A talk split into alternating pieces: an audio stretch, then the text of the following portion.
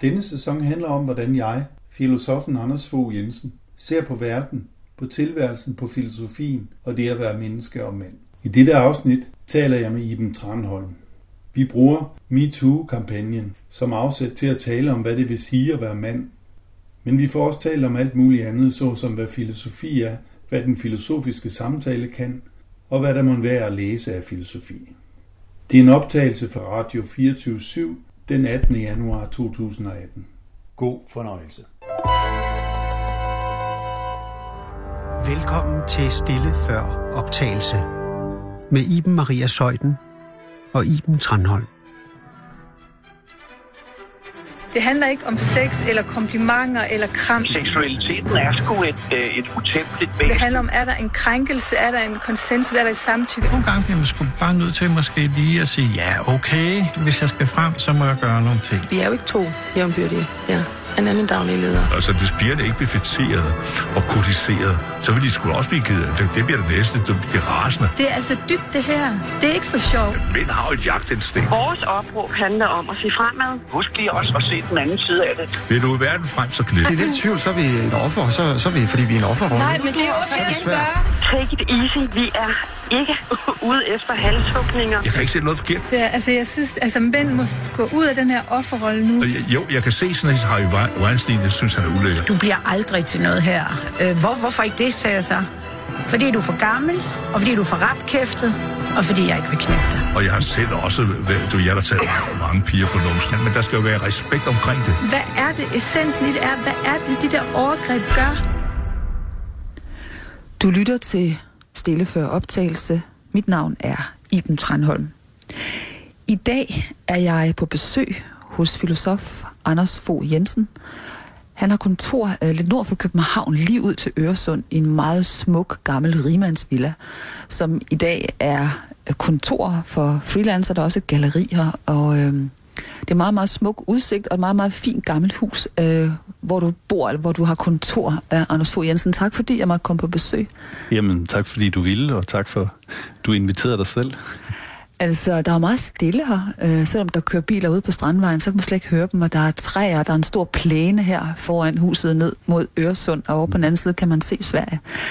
Er, du, er det her, du som filosof sidder og grubler over livets mening, eller hvad foretager man sig som filosof? Jamen altså, jeg tror, øh, jeg læste en gang en interview med en, øh, en øh, skakspiller, som sagde, at folk de troede, man sad med et skakbræt, men det gjorde man ikke, man sad med hovedet inde i en skærm. øh, og det gør man jo også meget som filosof. Altså, ja, øh, det er... Det er mest gør. Der er perioder, i, i, hvor jeg læser meget, men ellers så, øh, så går det meste med at forberede foredrag og holde foredrag. Og så har jeg øh, så arrangerer jeg nogle rejser, som hedder dannelsesrejser, øh, hvor vi tager ud i verden og gennemgår et helt stofområde på en uge. Litteraturhistorien, arkitekturhistorien, filosofihistorien osv. Og så øh, har jeg også lidt samtaler med folk øh, indimellem, når de, øh, man kan sige, hvis... Øh, hvis ikke lige de vil gå til en præst, og hvis øh, øh, psykologer heller ikke liger dem, så, eller de måske er blevet trætte af psykologer, så, så kommer de samtidig til mig. Er det så eksistentielle problemer, eller er det sådan mere arbejdsrelaterede problemer? folk Det er begge dele. Det er begge dele. Altså, men, øh, øh, men det er tit sådan, det der, altså der kan være lidt utilfredsstillende nogle gange, at, øh, at, at psykologien går meget sådan individual psykologisk til værks, ikke? Det handler om dit liv og din barndom, og ikke vores allesammens midtvejskrise, eller altså, der, der har filosofien måske take, som er sådan mere almen menneskelig, øh, øh, som, som jeg tænker, at der er mange, der har, har glæde af i virkeligheden. Er det så sådan, du anbefaler forskellige filosofer, de skal gå hjem og læse, eller hvad? Nej, det, det, det gør jeg sjældent, og jeg, jeg øh, altså, jo, hvis de spørger, gør jeg, og- men jeg, ellers så pakker jeg også filosoferne lidt ind i kulissen, så det egentlig handler om deres liv og, og vores liv, øh, vores tid. Og, øh, men, men jeg sidder ikke sådan og, og reciterer, men samtidig er det et godt bagkatalog at hive nogle figurer frem, som man kan øh, tænke med. Øh, så på den måde, øh, og, altså jeg synes jo, det der er jo brugt 2500 år på at tænke over, hvordan man skal leve sit liv, øh, og det ville være lidt, lidt synd ikke at, at, at bruge det, den visdom, som, som ligger i, i hele traditionen. Så det prøver jeg sådan i et vist omfang i hvert fald. Grunden til, at jeg har opsøgt dig, det er jo fordi, du skrev, øh, eller du blev interviewet til Berlingske Tidene øh, for et par dage siden, øh, hvor overskriften var, hvad troede I egentlig en mand var?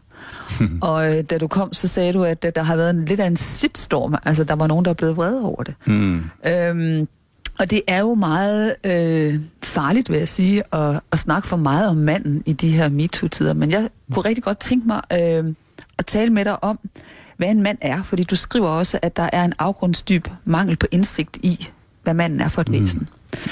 Men jeg kunne selvfølgelig godt tænke mig lige først at høre, hvordan kan det være, at du blandede dig i MeToo-debatten, at du, øh, at du gav det her interview, hvor du øh, taler om, øh, om manden. Øh, hvad var, det, øh, hvad var det, der gjorde, at du kastede dig ud i debatten? Mm, altså, jeg har holdt mig ude for den længe, fordi øh, altså, man, man skal jo... Altså, det, det er jo meget... Øh, det er jo et minefelt. Øh, og øh, så ah, tror jeg, jeg så tilstrækkeligt længe har gået og øh, talt med andre, især mænd, om, hvad, hvad er det, der er gang i her, og øh, hvorfor, hvorfor er de så vrede også? Altså, mange kvinder, der ikke måske selv har været sådan sønderligt involveret i nogle skandaler, øh, hvorfor er de også så vrede? Og øh, så, så blev jeg, fik jeg en henvendelse fra, fra Berlingske Tiden, og så, så sagde jeg, jeg vil gerne øh, interviews, men det, jeg vil ikke øh, bare lige have to linjer midt i, øh, i fem andre kilder, fordi så bliver det bare sådan ligesom til, til, til et citat, der bare står, øh, og så bliver det jo øh, maltrakteret på en eller anden måde. Så, så øh, jeg, føler, jeg føler, at det er vigtigt, at manden også får en stemme i den her debat, og jeg ved, at jeg ikke repræsenterer alle mænd, men jeg ved også, at jeg repræsenterer mange mænd, som er tavse, øh, og som er ikke bare tavse, men som også er både vrede og øh, trætte af den her debat, ked af den, øh, frustreret. Øh, og, øh, men hvordan kan mænd være vrede over, at nogle kvinder står frem og fortæller, at de er blevet krænket? Jamen det, det, er de, det er de sådan set heller ikke, men øh, jeg, jeg synes, der er noget øh, ved manden, som ikke bliver hørt. Og det afspejler sig ved, at at øh, vi mænd, nogle af os i hvert fald, øh, fuldstændig skifter vores måde at tale på, når der kommer en kvinde ind i lokalet. Øh, så, så ændrer vi. Øh, at det, vi snakker om, måden vi taler om det på og sådan noget. Er I bange for kvinder? Mm, vi er i hvert fald... Øh, ja, vi er bange for at få ørerne i maskinen, kan man godt sige. Øh, og når vi så er alene, så kan vi tale mere, som vi tænker. Øh, så vi skal sådan set, øh, hvad kan man sige, øh, vi, vi censurerer vores sprog enormt meget. Og, og det er ikke fordi, at jeg, at jeg tænker, at øh, det, det, det, er et kæmpe problem, at man lige en gang imellem ændrer sin sprogbrug efter, hvem der er til stede. Altså, det vil man også, det, hvis der kommer en, en, som aldrig har læst en bog, så vil man jo også ændre sit sprogbrug. Men, men der er en, en frygt for at, øh, at sige hvad vi tænker. Nu sagde du ørerne i maskinen. Altså, hvad er det? Altså, hvad kunne det bestå i? Hvad er det, kvinder kan gøre, som I synes er ubehageligt? Øhm, jamen, en af de ting, øh, de kan gøre, det er, at de, øh, øh, hvad kan man sige, man bliver reduceret til et sexmonster. Øh, eller man bliver gjort til en træmand. Øh, eller det man, hvis man siger, hvordan man har det, så bliver det negligeret, at det, at det er sådan, man har det. Øhm. Men udtrykker kvinderne det, det, direkte, synes du? Eller er det bare noget, du sådan fornemmer? At de kan tage afstand fra jer, eller hvordan? Øhm, jeg fornemmer det mest på de andre mænd. Altså, hvordan jeg kan se, de, de øh, skifter øh, måde at tale på. Øhm, og øh, ja, kvinderne udtrykker det også, øh, også direkte. Altså, noget af det, jeg, når jeg siger det der med, hvad troede egentlig en mand var, så tænker jeg, øh, og, og fremdrager øh, Ullebeks romaner, som... som Michel Ullebeck, den franske forfatter, der ja. blandt andet har skrevet den berømte roman Underkastelse, ja. men også elementære partikler, hvor, han har alle, hvor alle hans hovedpersoner er nogle mænd, som på en eller anden måde er, lever nogle elendige liv. Ja, det gør de. øh, øhm, og ikke kan finde ud af kærligheden, og ikke kan finde ud af forhold til kvinder. Ja. Og, og derfor er der nærmest kun øh, sex og begær tilbage, og, og forskellige former for nydelse. Øhm, og og han, han, han viser på en måde også, at, øh, at at Kirkegårds figur, æstetikeren, er blevet den nye spidsborger. Altså Søren Kierkegaard, Ja. den danske filosof. Ja. Øhm, og det som, øhm, det, som er så befriende, det er, at, at Mullebæks karakterer, de banker et rum åben, så man ligesom bedre kan være der, fordi man lever ikke helt så miserabelt et liv selv, som hans karakterer gør. Øhm, og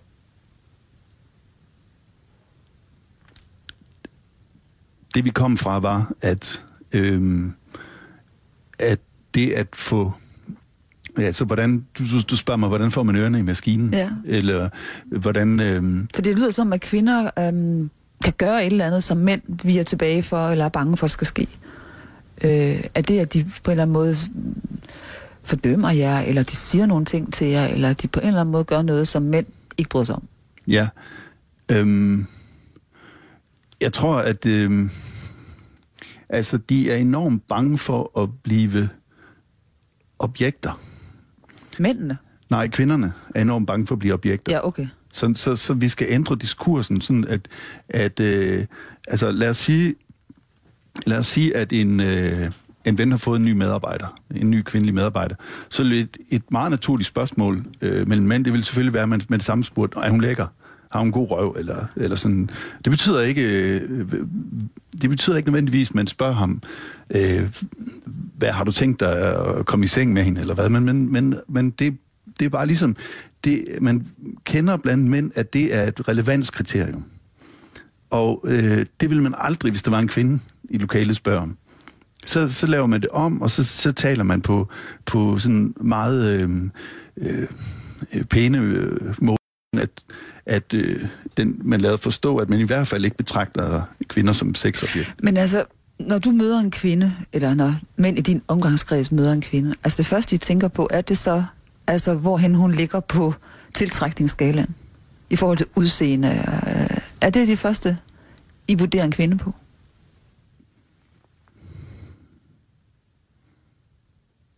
Det er i hvert fald, ja, Nu skal du passe på, hvad du siger. Altså, når man kommer ind i et rum, så kan man med det samme mærke det. Altså, ja. Ja, det, det vil jeg sige, det er, det er meget væsentligt. Jeg ved, jeg repræsenterer ikke alle mænd, men mange mænd vil med det samme sådan ligesom være, være med på det. Man har jo også lavet undersøgelser, der viser, at hvis det står øh, for eksempel ude for en operan, øh, hvilken dør går mænd ind af? Ja, de går ind af den dør, hvor de unge kvinder står. Øhm, og så, så det er et relevanskriterie, som hele tiden på en eller anden måde er med. Det betyder ikke, at vi kun tænker på sex, altså. Men vi, vi øh, men, men det, hvad kan man sige, det er nærmest et æstetisk øh, kriterium, som altid er med, på en eller anden måde. Og det prøver vi så øh, at lade som om ikke er der, når kvinder er der. Men er- der ikke en form for manerer eller god opførsel, øh, moral, Jo. som skal regulere det der? For Jo. hvis man ligesom bare gik under og sagde, nej, hvor ser du lækker ud, dig vil jeg gerne i seng med, altså så var der nogle normer, som blev fuldkommen overtrådt, og, og det er jo det, der også er sket i nogle MeToo-sager, ikke? Mm. Så skal der ikke være den der selvkontrol fra Jo, mændenes side? jo, bestemt. Altså, øh, det, det, man skal i hvert fald ikke gøre noget ud af det der øh, altid. Men selvfølgelig er der jo mange, der finder en partner på deres arbejdsplads. Det er jo helt normalt. Øh, Øhm, så øh, jo, en, en, en mand er også en, der kan være galant, eller kan øh, have manerer, kan, kan begå sig, kan... Øhm, altså, det... Øh, men, men jeg synes, det, det, som jeg synes, der er vigtigt, det er, at den del af manden også bliver døbt. Det vil sige, at den må også være der i stuen, hvis man kan sige det sådan. Hvor jeg har en fornemmelse af, at, at, øh, at den, lige nu må den kun være i herværelset og omklædningsrummet og sådan noget. Øhm, men at man ligesom anerkender, at det, det er også en del. Øh, så for mig er en...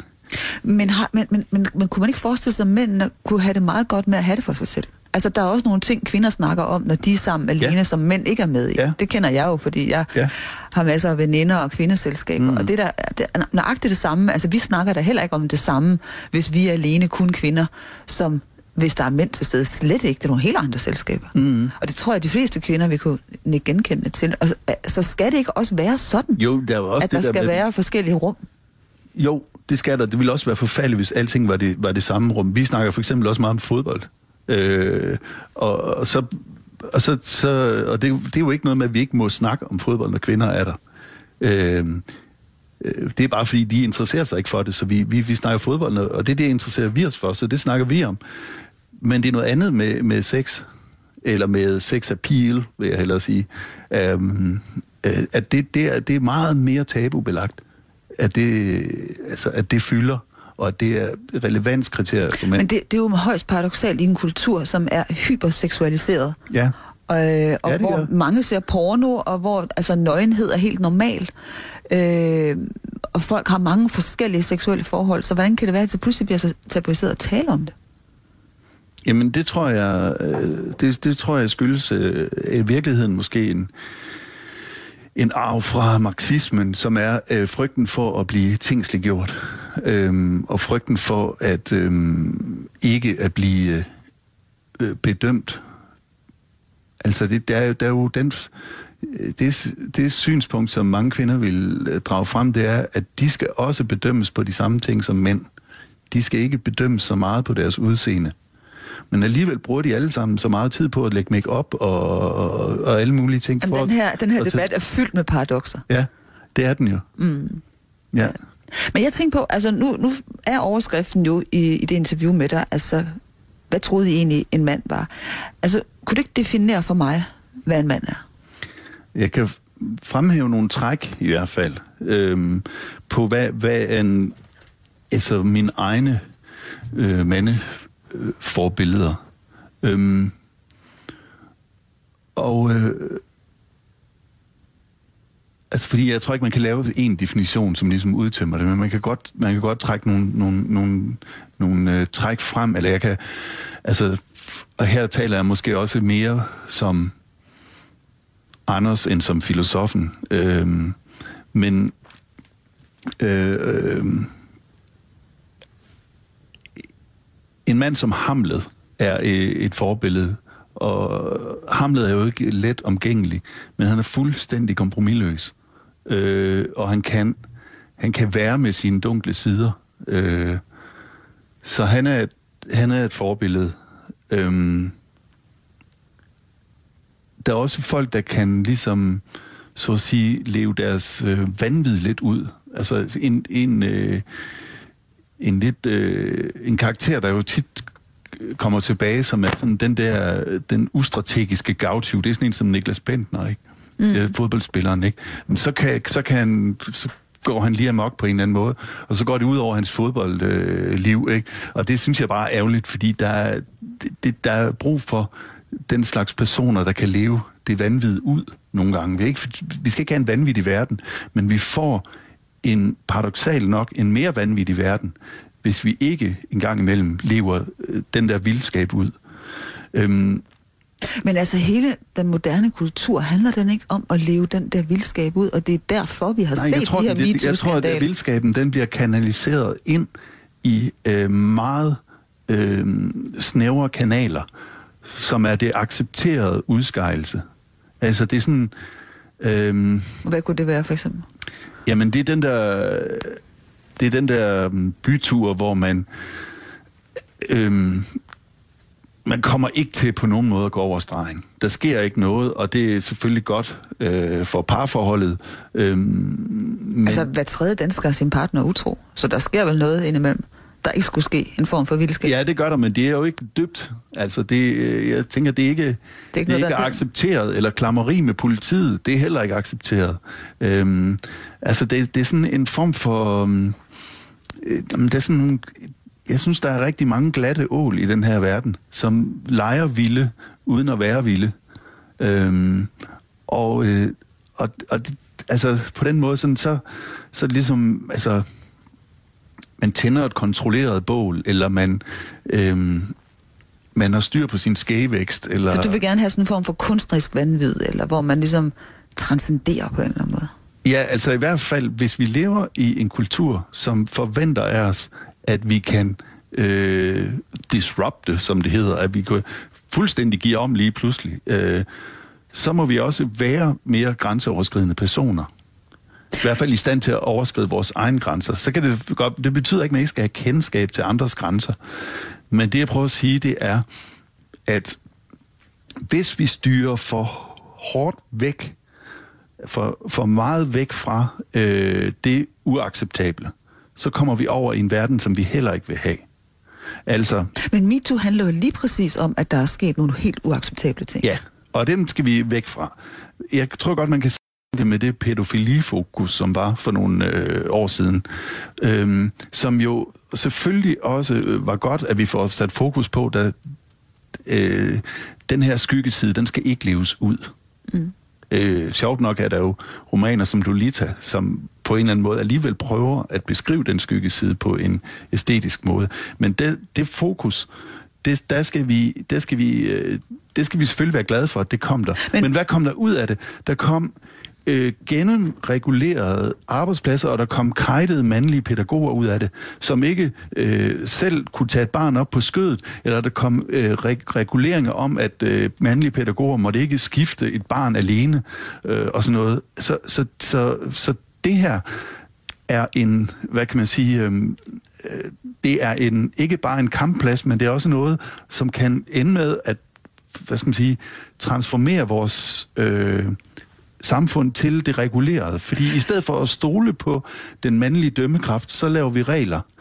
Og hvis jeg skal sammen, hvis vi tager pædofilidebatten øh, på den ene side, øh, og så samtidig, øh, at hvis jeg skal give et andet eksempel, sådan en arbejdsplads som Siemens, der skal du skrive under på, øh, øh, og der NCC i Odense øh, også, der, der, der øh, skal du skrive under på, at du vil altid bakke ind i parkeringsbåsen, fordi det er mere sikkert. Men hos Siemens skal du også blandt andet skrive under på, at du altid vil holde i galenderet, når du går ned ad trappen.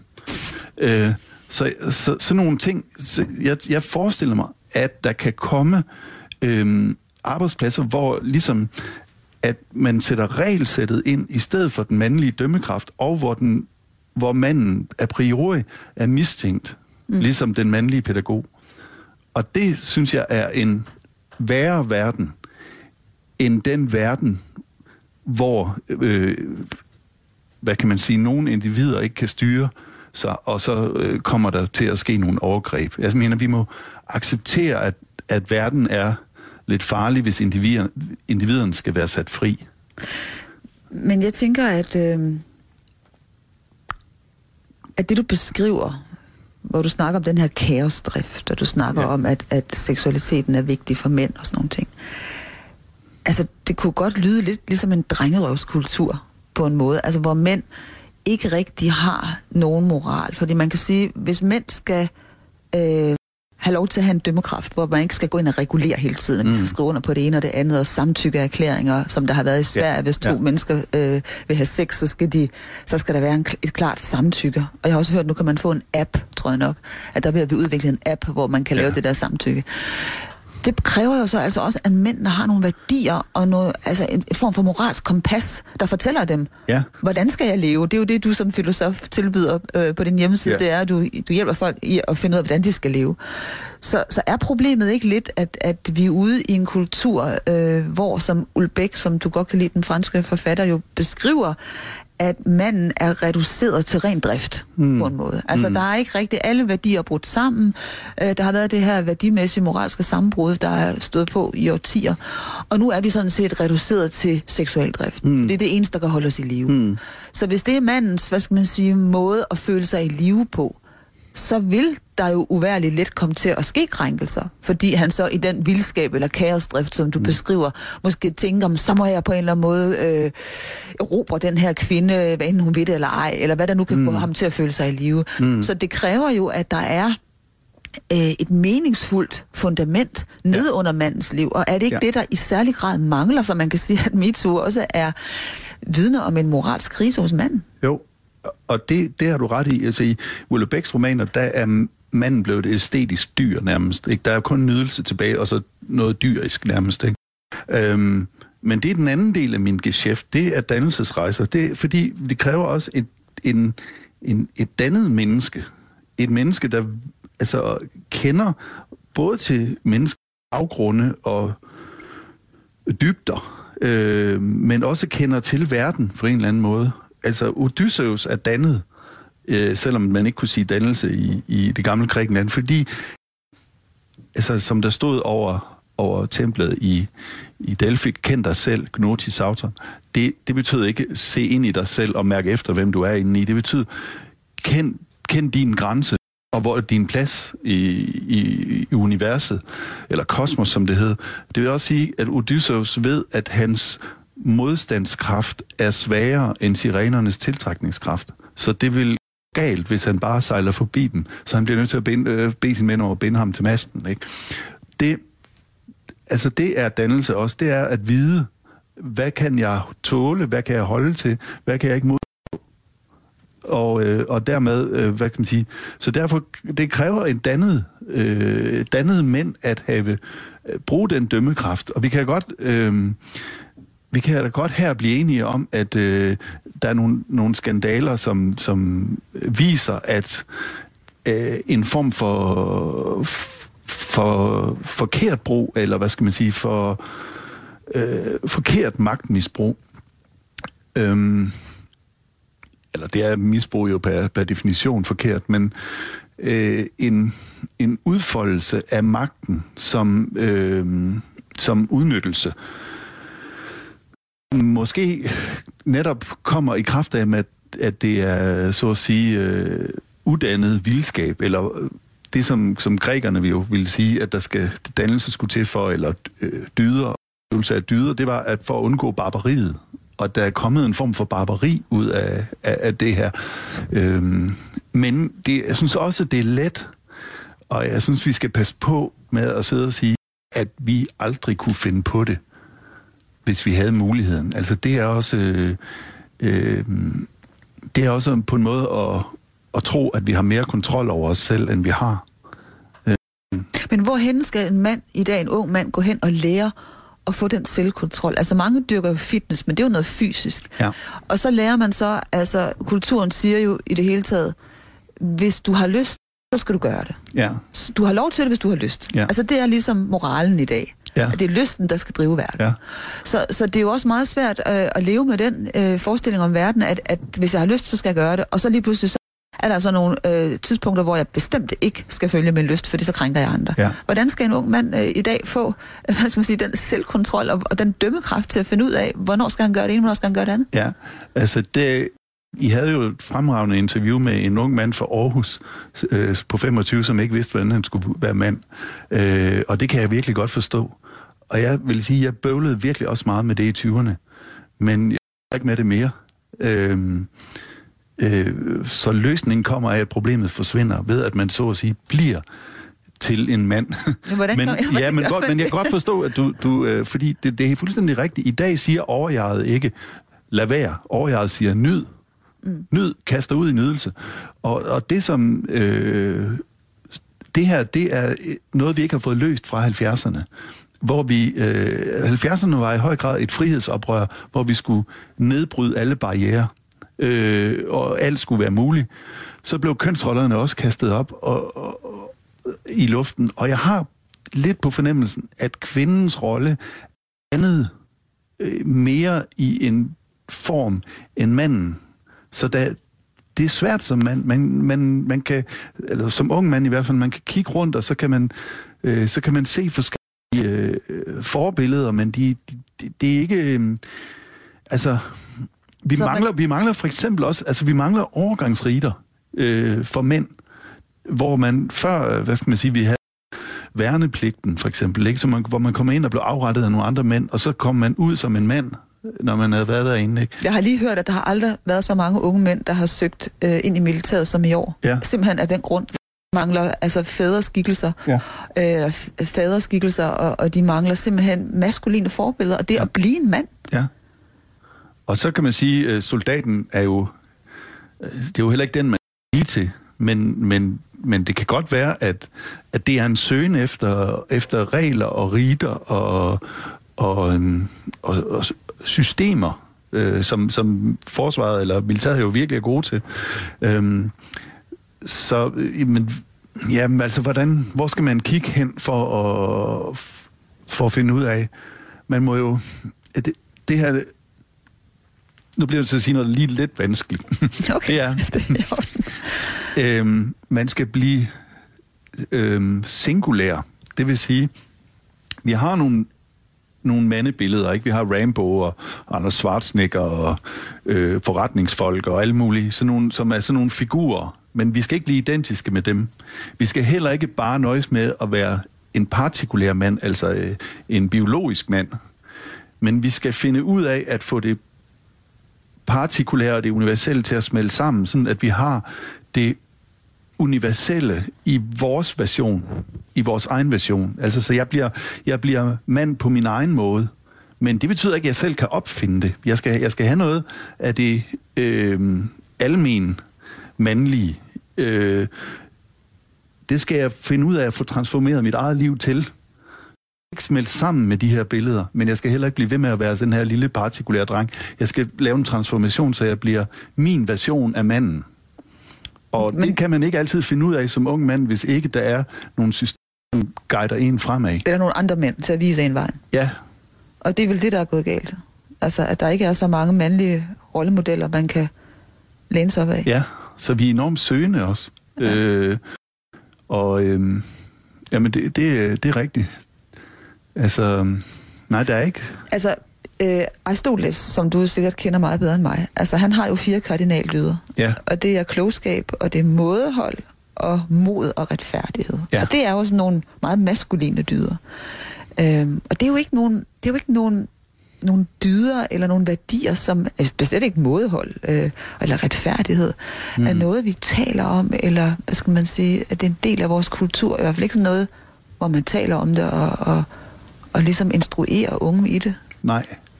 Øh, altså, og det, det, det er endnu en arv, vi har fået fra, øh, fra det her, altså et, eller et problem, som vi har arvet fra 70'erne, det er, at øh, alt er relativt. Mm. Øh, der, er, alt, der er din, dit perspektiv og mit perspektiv, og, og, og, og det, det, alt kan være lige godt, stå, så at sige. Ikke? Så vi, har, vi lever i en form for, jeg vil kalde det sådan latent nihilisme, øh, hvor, hvor, hvor vi ikke tør at stå op for, at noget er bedre end noget andet.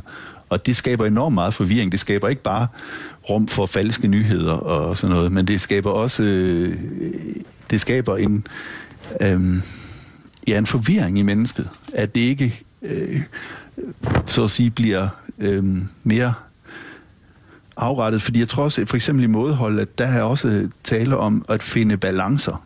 Altså modholdet er ikke den, det er ikke en mellemvej.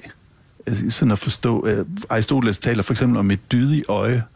Et dydigt øje, det er den perfekte balance mellem det nærsynede og det langsynede. Så det er det bedste.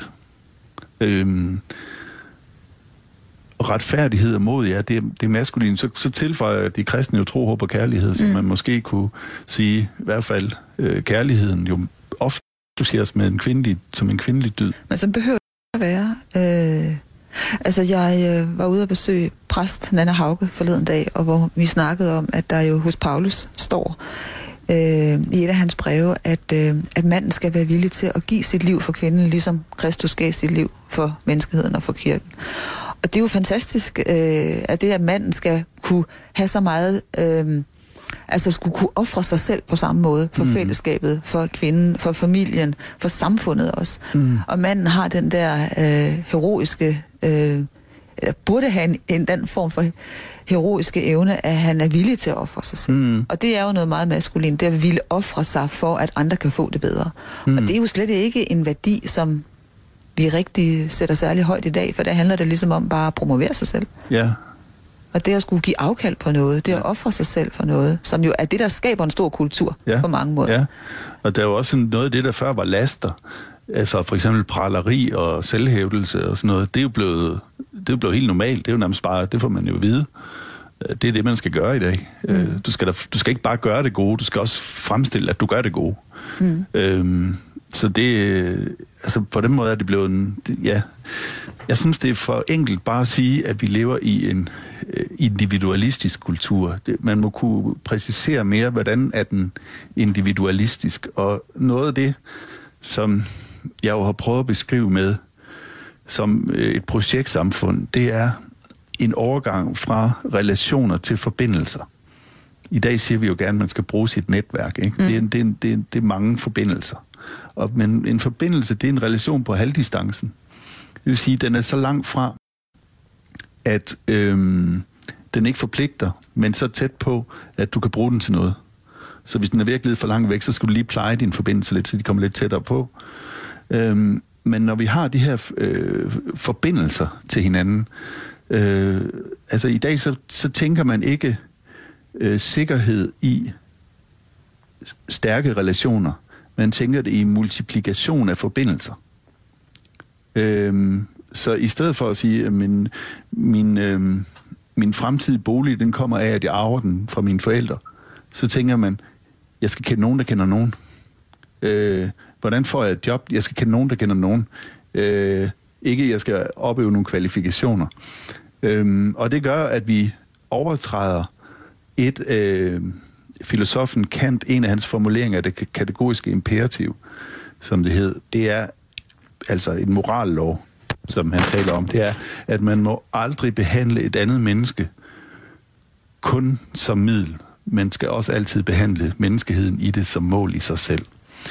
Men når man siger, nu skal du, øh, altså når de nede på arbejdsformidlingen siger, øh, du skal få dig et netværk, øh, så er det jo netop at bruge hinanden som middel til sin egen vinding. Øhm, og det er også en af de laster, som i dag er blevet en dyd, mm. at man kan netværke. Mm. Øhm, og derfor er det jo heller ikke så mærkeligt, hvis der opstår nogle nye udnyttelsesformer i et projektsamfund. Og det, og det snakker du også om i det her interview, Ja. øh, som en del af hele MeToo. Ja.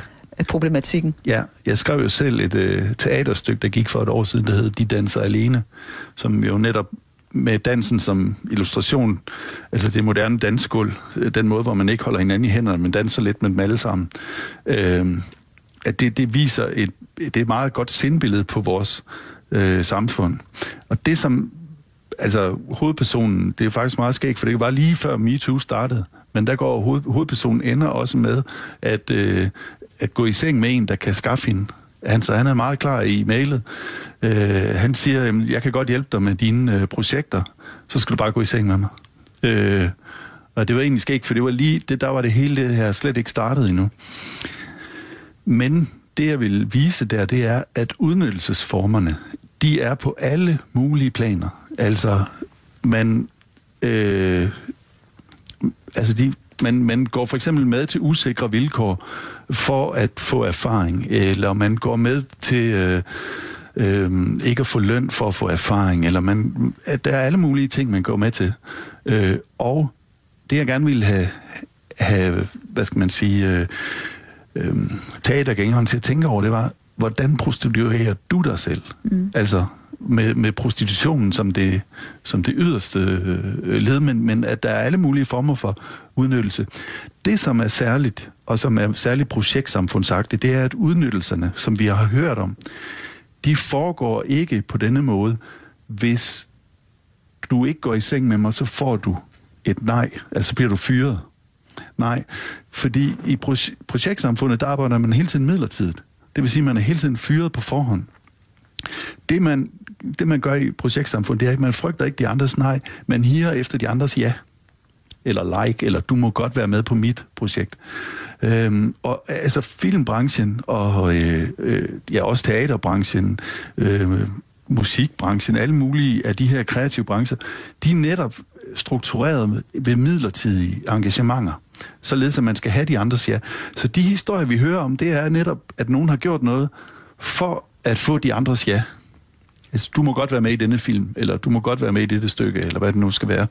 Øhm, og og det, det tror jeg, at, at hele den her, øh, at mange af de her seksuelle øh, udnyttelseshistorier, øh, de, de opstår netop i brancher, som er mere projekteret organiseret, fordi der kan komme nogle helt nye udnyttelsesformer, hvor man også kan sige, jamen jeg har jo ikke lovet dig noget, altså øh, hvis, hvis det går galt. Ikke? Øhm, så så det, øhm, det, det tror jeg også bare, vi må, desværre vil jeg sige, vende os til, øh, at, at vi er mere midlertidigt organiseret, og det skaber helt andre udnyttelsesformer. Men det er vel forbrugskulturen, der er rykket ind i relationerne? Ja, det kan man godt sige, ja. Altså, at, at man bruger mennesker til egen vindings skyld.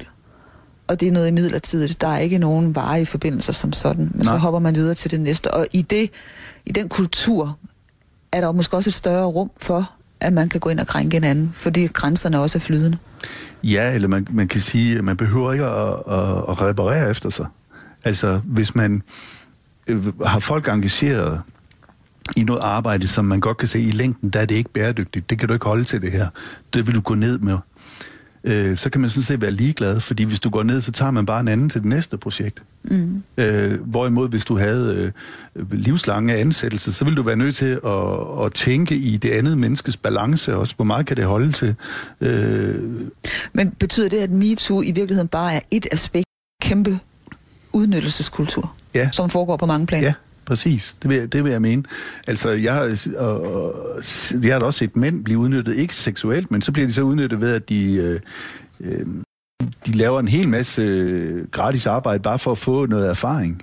Altså, og det var jo også det, øh, altså, nu skal vi ikke længere ind i, i filmbranchen, men altså noget af det, der blev sagt med, men folk kan jo bare gå, hvis ikke de kan klare lugten i batteriet. Ja, men hvis de vil gerne vil være noget inden for den branche, så bliver de nødt til at gå ind på nogle udnyttelsesforhold.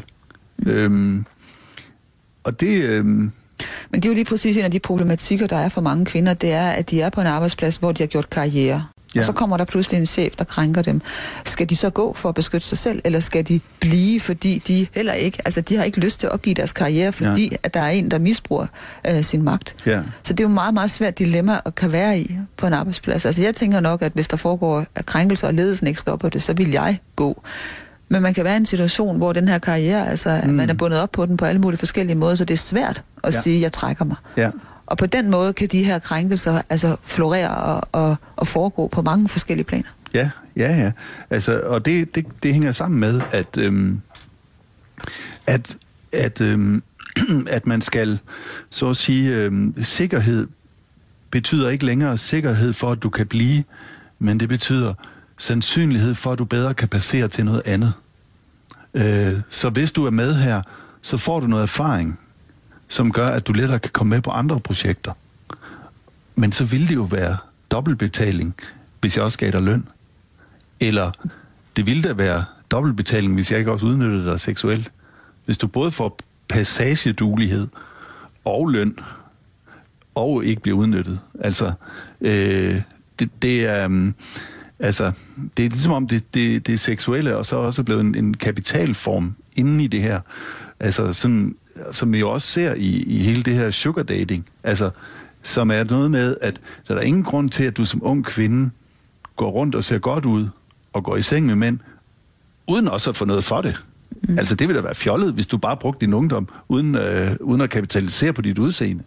Ikke? Så, så, så det er jo også det, det er rykket ind som en, en, øh, en kapitalform eller en betalingsform.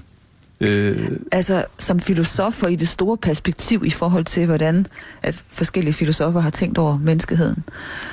Hvordan ser du så vores kultur, øh, når vi er kommet ind i sådan et, et, et, et, et forhold, hvor vi udnytter hinanden på mange forskellige planer?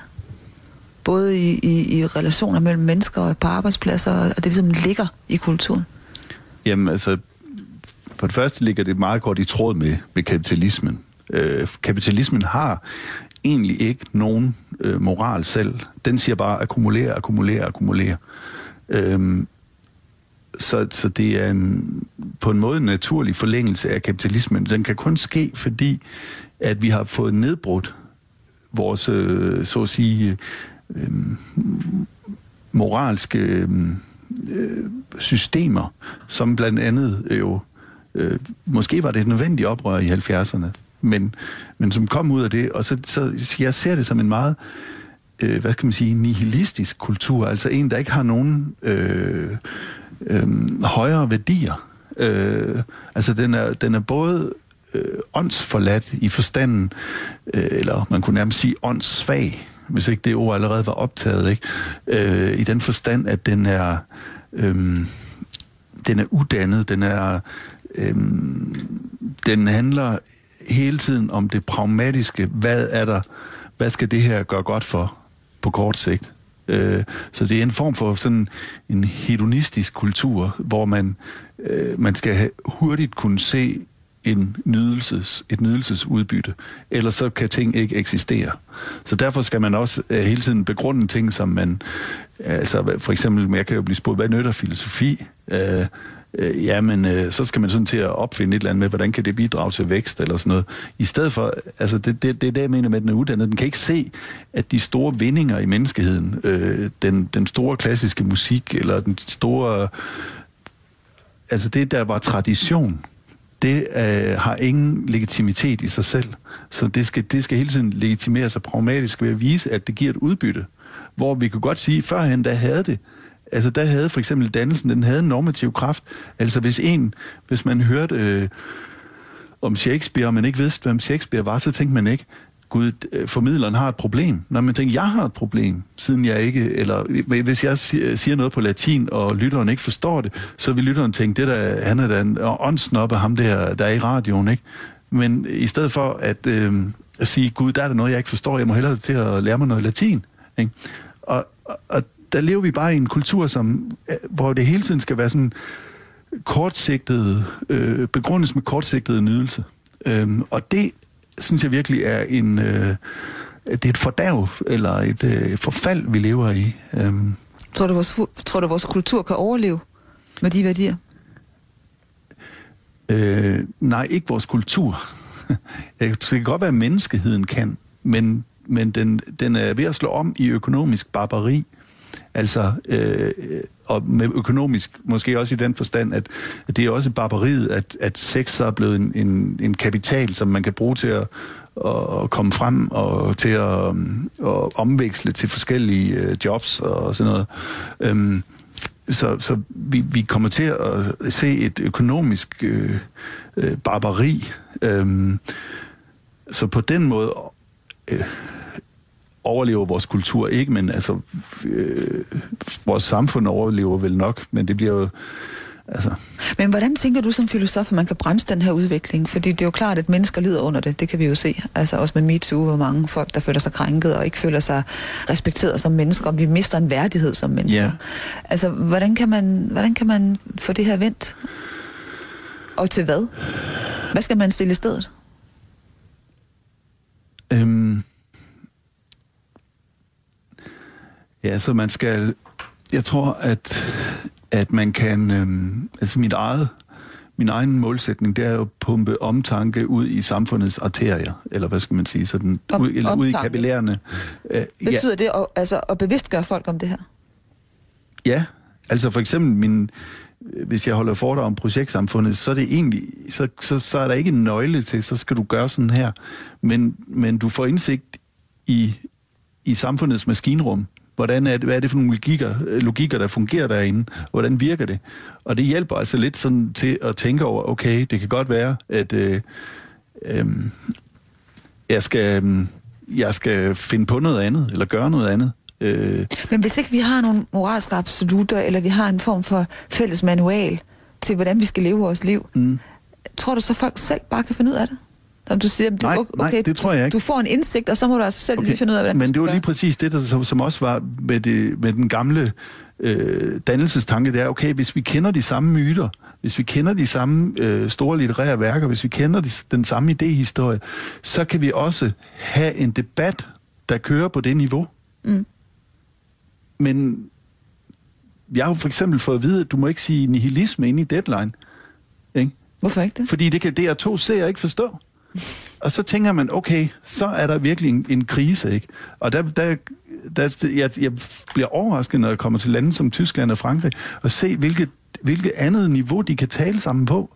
Mm. Øh, altså hvad de kan de ved godt altså hvem øh, Rousseau er det ved den almene seer godt eller øh, sådan det, man kan henvise til ting som man ikke kan her og derfor falder debatniveauet mere og mere og mere så folk skal vide noget mere det er i hvert fald en del af, af altså, øh, vi er nødt til også at ændre vores pædagogik og sige, der er noget, du skal vide, hvis du skal være en dannet borger i et samfund. Det er ikke nok, at, at at du bare selv finder ud af ting. Der er ting, som gælder, eller ting, som, som de store forfattere, eller som... Altså, der er også en sandhed...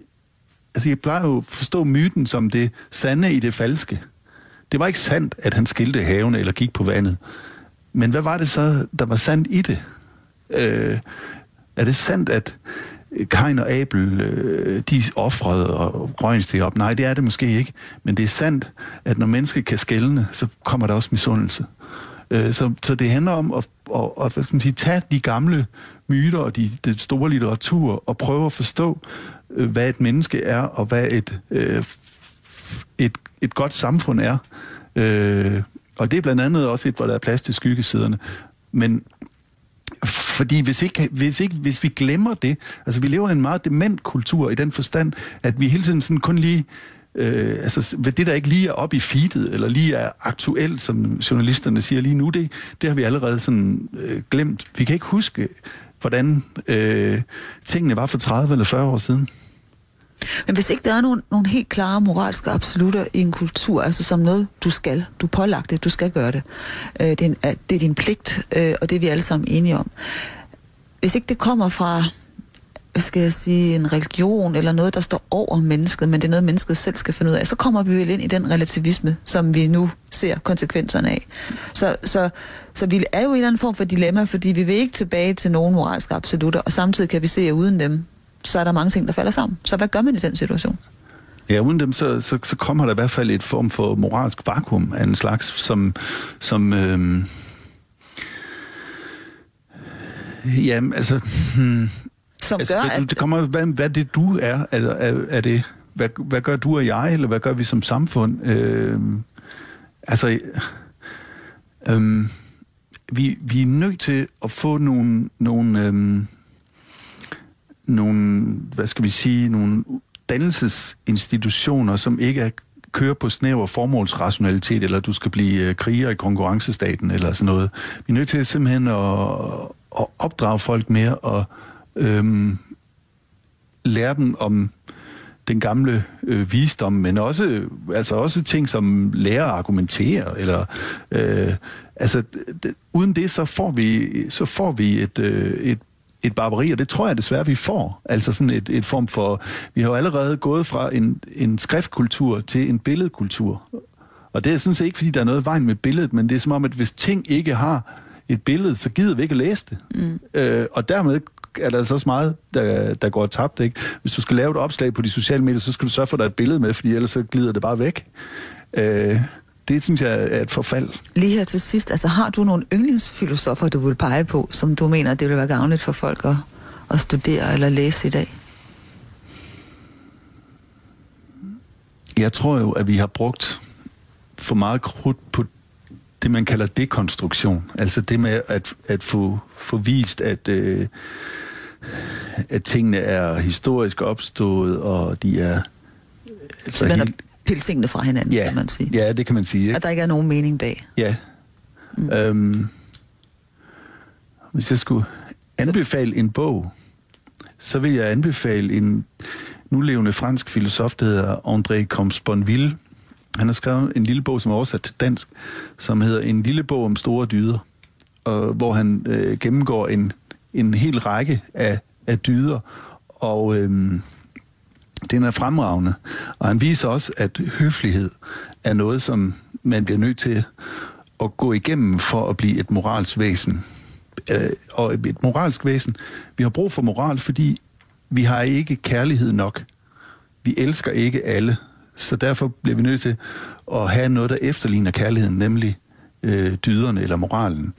Men for at komme derhen, så er vi nødt til at gå igennem høfligheden. Det vil sige, at børnene er endnu ikke taknemmelige men vi taknemmelighed er en dyd. Øhm, men så lærer vi dem at sige tak for mad, selvom de ikke mener det. Og, og det er sådan en gammel aristotelisk ting, at hvis man skal lære noget, så skal man øve sig i det. Man laver modige kriger ved at lade dem gøre modige handlinger.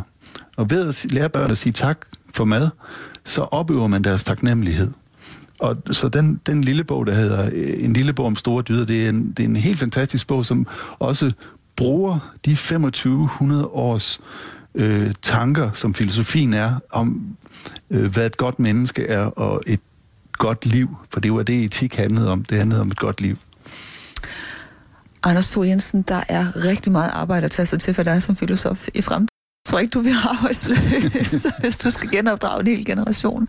Så held og lykke med det, og tusind tak, fordi jeg måtte komme og besøge dig her på dit øh, kontor nord for København. Jamen selv tak. Man kan måske sige, at, at man kan læse mere på filosofen.dk, hvor jeg jo øh, prøver at lægge mange af mine tanker ud. Ja. Du har lyttet til Stille for optagelse. Mit navn er Iben Tranholm. Tak for nu.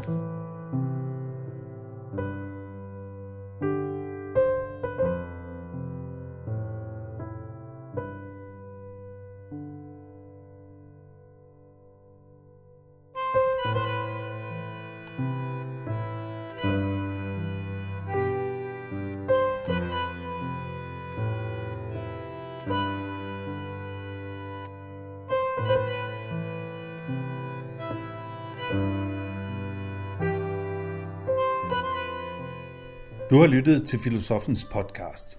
Se mere på min hjemmeside filosofen.dk og tag med mig på dannelsesrejse. Se dannelsesrejser.dk. Mit navn er Anders Fogh Jensen. Tak fordi du lyttede med. thank you